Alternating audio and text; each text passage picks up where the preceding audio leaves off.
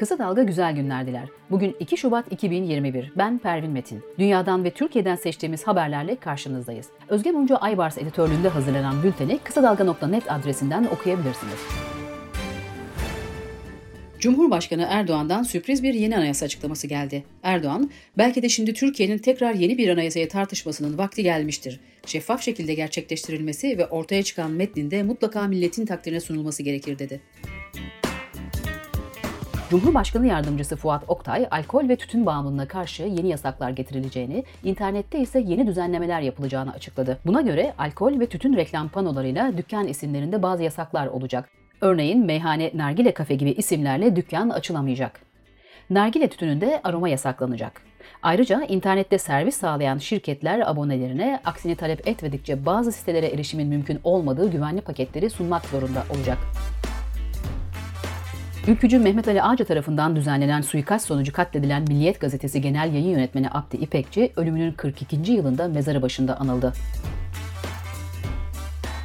İzmir'de dün sabah saatlerinden itibaren peş peşe depremler meydana geldi. İlk olarak saat 11.35'te Ege Denizi'nde 5,2 büyüklüğünde bir deprem meydana gelirken daha sonra merkez üstü Karaburun olan 5,1 büyüklüğünde bir deprem daha oldu. Bu depremleri çok sayıda daha az şiddetli depremler takip etti. Gezi davasında haklarındaki beraat kararı istinaf tarafından bozulan 8 sanık için yurt dışına çıkış yasağı getirildi. Davanın yeniden görülmesine önümüzdeki günlerde başlanacak.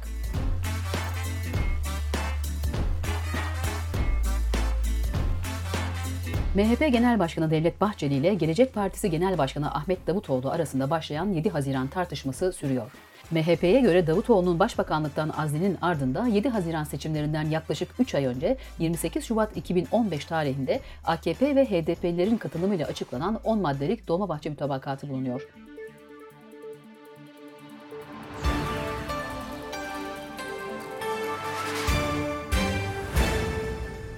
Boğaziçi Üniversitesi Rektörlüğüne Cumhurbaşkanlığı kararıyla Profesör Doktor Melih Bulu'nun atanmasına karşı öğrencilerin düzenlediği protestoya polis engeli geldi.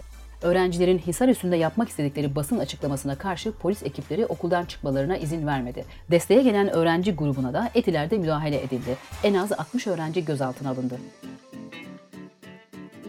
MHP Genel Başkanı Bahçeli, Boğaziçi Üniversitesi'ndeki sergide Kabe fotoğrafı tartışmasında öğrencileri alçak diye nitelendirerek 20 Kasım 1979'da Kabe'yi işgal eden teröristlerden hiç mi hiç farkı yoktur dedi. Bahçeli, Boğaziçi öğretim üyeleri içinde sözde akademisyen ifadesini kullandı. Ankara Büyükşehir Belediyesi eski başkanı Melih Gökçek, gazeteci Nevşin Mengü'yü sosyal medya üzerinden sana öyle bir illüstrasyon yaparım ki ömür boyu unutamazsın ifadeleriyle tehdit etti. Mengü de Gökçe'ye eski belediye başkanı yeni troll, yazık diyerek yanıt verdi. AKP'nin ilk iktidar yılında Atatürk aleyhine 118 kişi suç işlediği gerekçesiyle sanık olurken bu sayı 2019 yılında %1050 artarak 1356 kişiye ulaştı.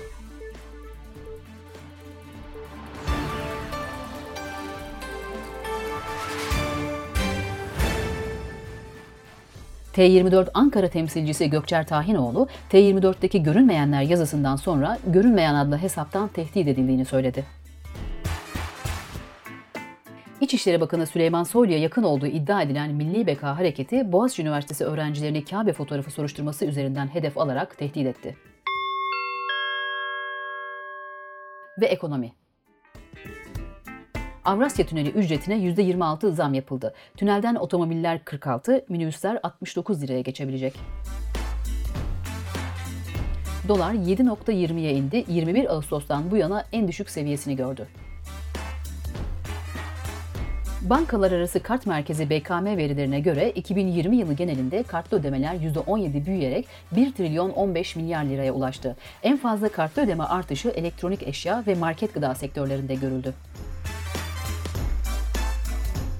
Diyarbakır'da 50 kuruşluk çubuk rekerin fişini kesmediği için işten çıkarılan Yücel Korkutan, 35.888 lira 490 kuruş tazminat almaya hak kazandı. Sırada COVID-19 haberleri var.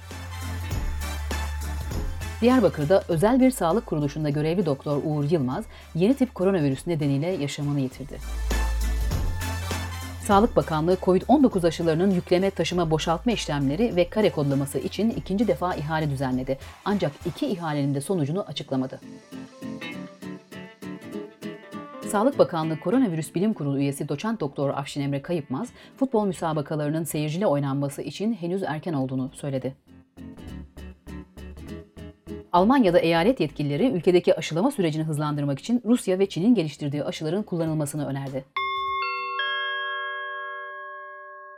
Sırada dünyadan haberler var. Belçika, Macaristan ve Avusturya'da düzenlenen Covid-19 önlemlerini protesto gösterilerinde yüzlerce kişi gözaltına alındı. Avusturya'da düzenlenen protestoları aşırı sağcı partilerin organize ettiği, Budapeşte'de ise restoran ve kafelere sivil itaatsizlik çağrısı yapıldığı belirtildi. ABD'de polis sinir krizi geçiren 9 yaşındaki bir çocuğu sakinleştirmek için kelepçeleyip biber gazı sıktı. Annesinin yardım çağrısıyla olay yerine giden 9 kişilik ekibin çocuğu polis aracına bindirmek için biber gazı sıktığına ilişkin görüntülere sosyal medyada tepki yağdı.